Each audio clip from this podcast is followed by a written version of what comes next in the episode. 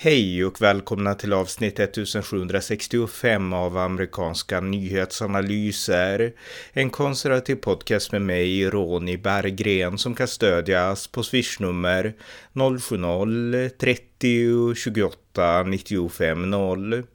Natten mot lördagen den 7 januari 2023 så blev republikanen Kevin McCarthy till slut vald till Speaker of the House. Det krävdes 15 omröstningar och stora eftergifter, men representanthusets verksamhet kan nu komma igång och McCarthy har mottagit talmansklubban. Här berättar jag mer. Varmt välkomna!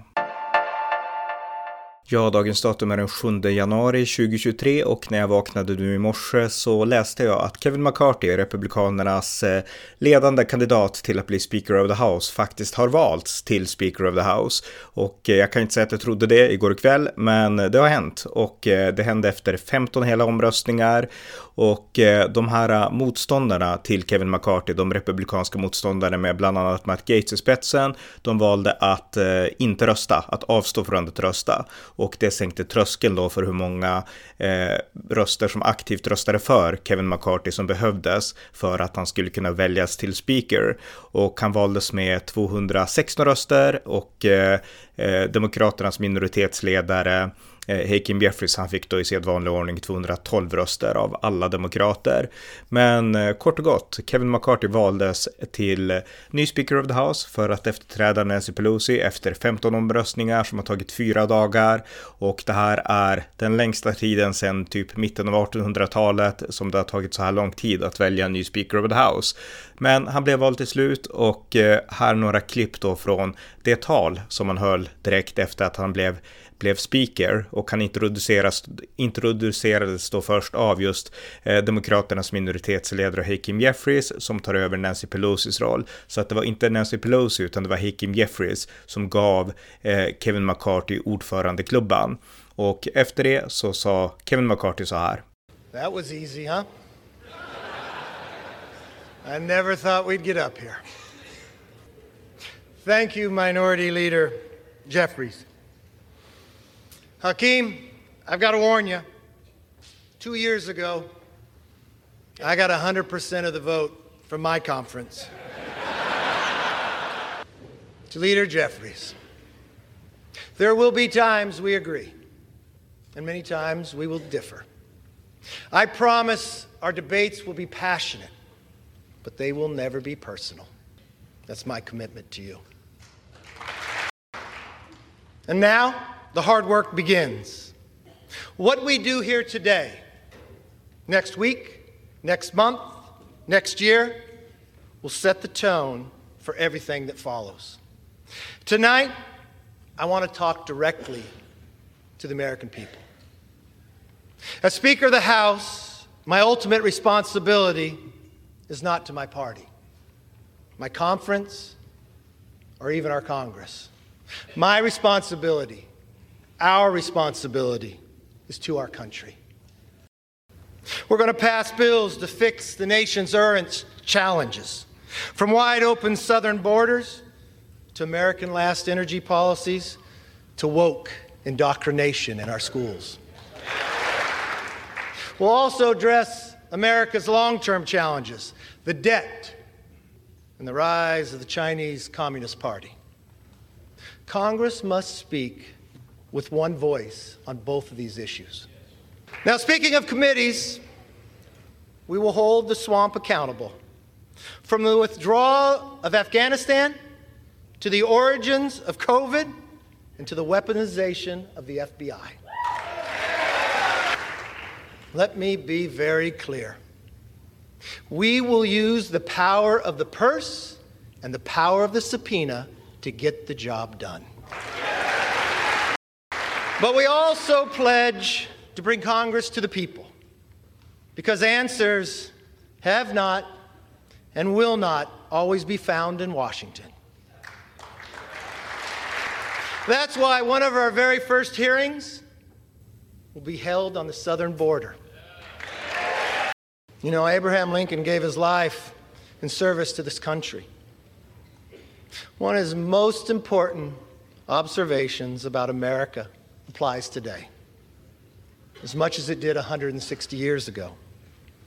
He said, We are striving to maintain the government and institutions of our fathers and to transmit them to our children and our children's children's forever. My fellow Americans, that is still our mission today. Let me close with this. I may not know all of you, some of you are new, but I hope one thing is clear after this week. I never give up. And I make this promise I'll never give up for you, the American people.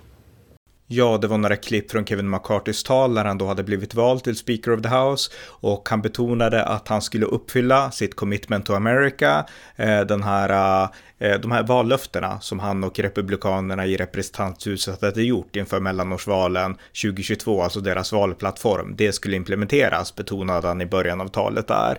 Och eh, han förklarade också att han skulle gå emot The Swamp. Eh, den retoriken har ju såklart fått då av de här eh, konservativa motståndarna till honom som till slut valde att gå med på att stödja honom. Och eh, allt handlar ju lite grann om vad man lägger i begreppet. Man behöver inte lägga konspiratoriska saker och det gjorde inte Kevin McCarthy utan han betonade att man skulle utreda saker, utreda tillbakadragandet från Afghanistan och sen finns det i bakgrunden också utredningar av Hunter Biden och sådär. Men det här är ju saker som många republikaner är ense om behöver göras, även Kevin McCarthy. Så att det är egentligen bara hur man, liksom vilket språkbruk man, man klär det här i så att säga. Och det är viktigt att ha med sig det i analysen när man hör honom prata om det svamp och så. Så att det sa han också i talet. Och eh, han fortsatte också att, eh, ja, han sträckte även ut en hand som ni hörde till Hakeem Jeffries, Demokraternas minoritetsledare, tyckte det var väldigt fint.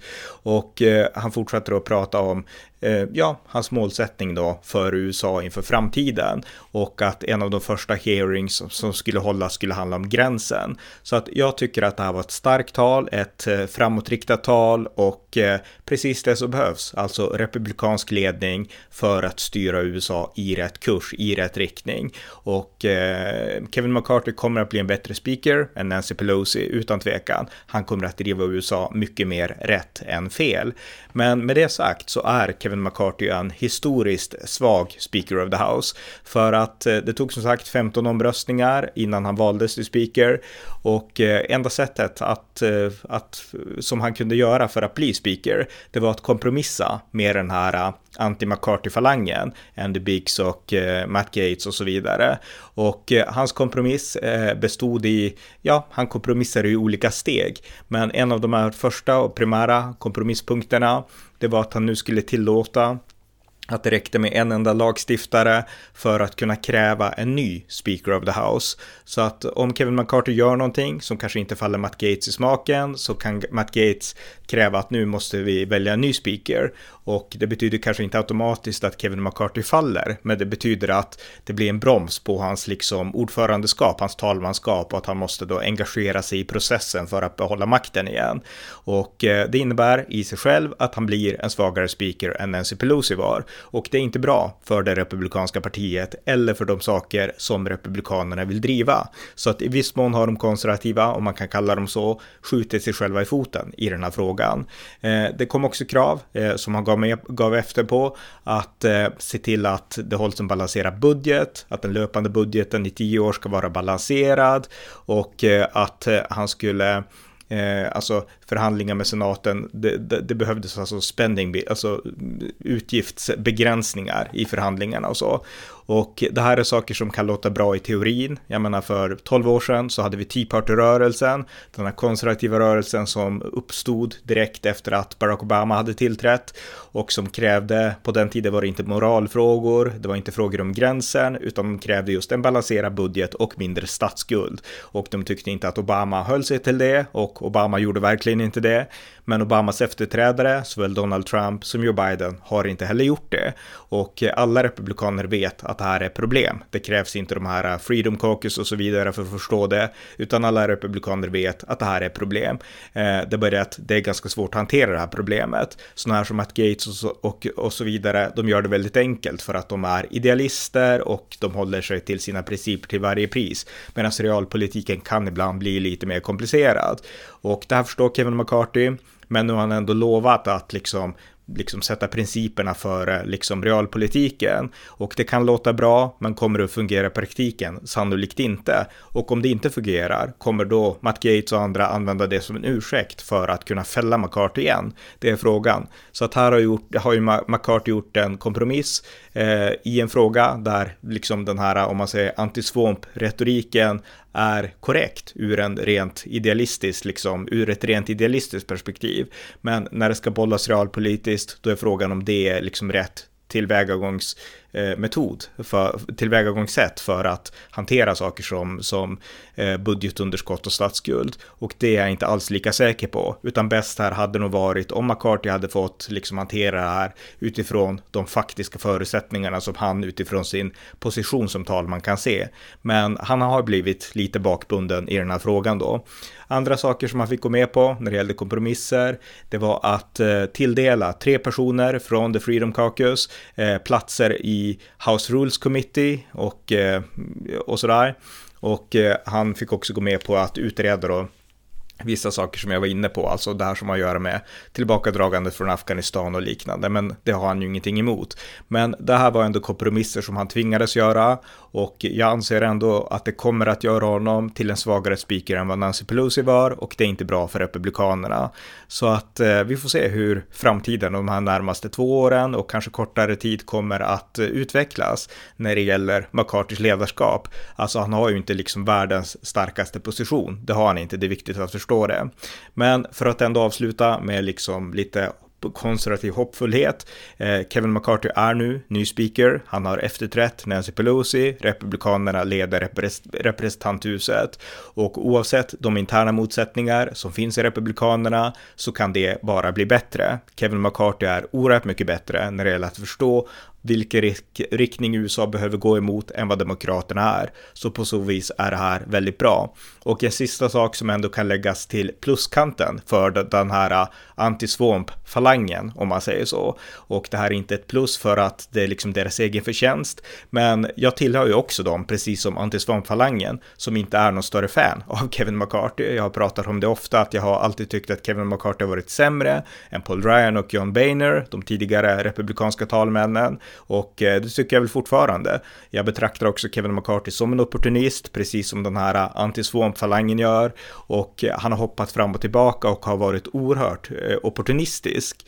eh, i såväl sitt, sin syn på Donald Trump, sin syn på Lee Cheney och sin syn på mycket annat. En opportunist och inte alls alltid den här principfasta personen. Så att den kritiken mot McCarthy delar jag. Sen anser jag ändå att Kevin McCarthy är det bästa alternativet och att han är oerhört mycket bättre än Demokraterna. Så att man kan liksom inte stirra sig blind på det.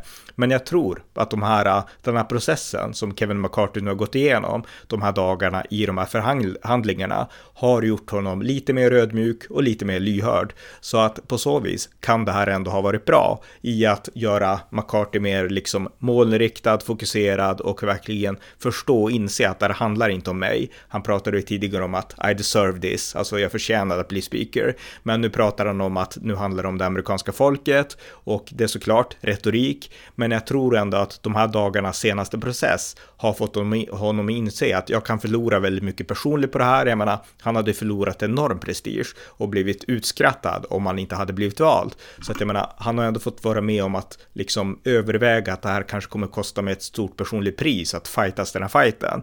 Men han har ändå tagit fighten och eh, det tror jag kan på något sätt eh, vara bra för honom och göra att han blir ännu mer målinriktad för att verkligen arbeta för helheten av USA.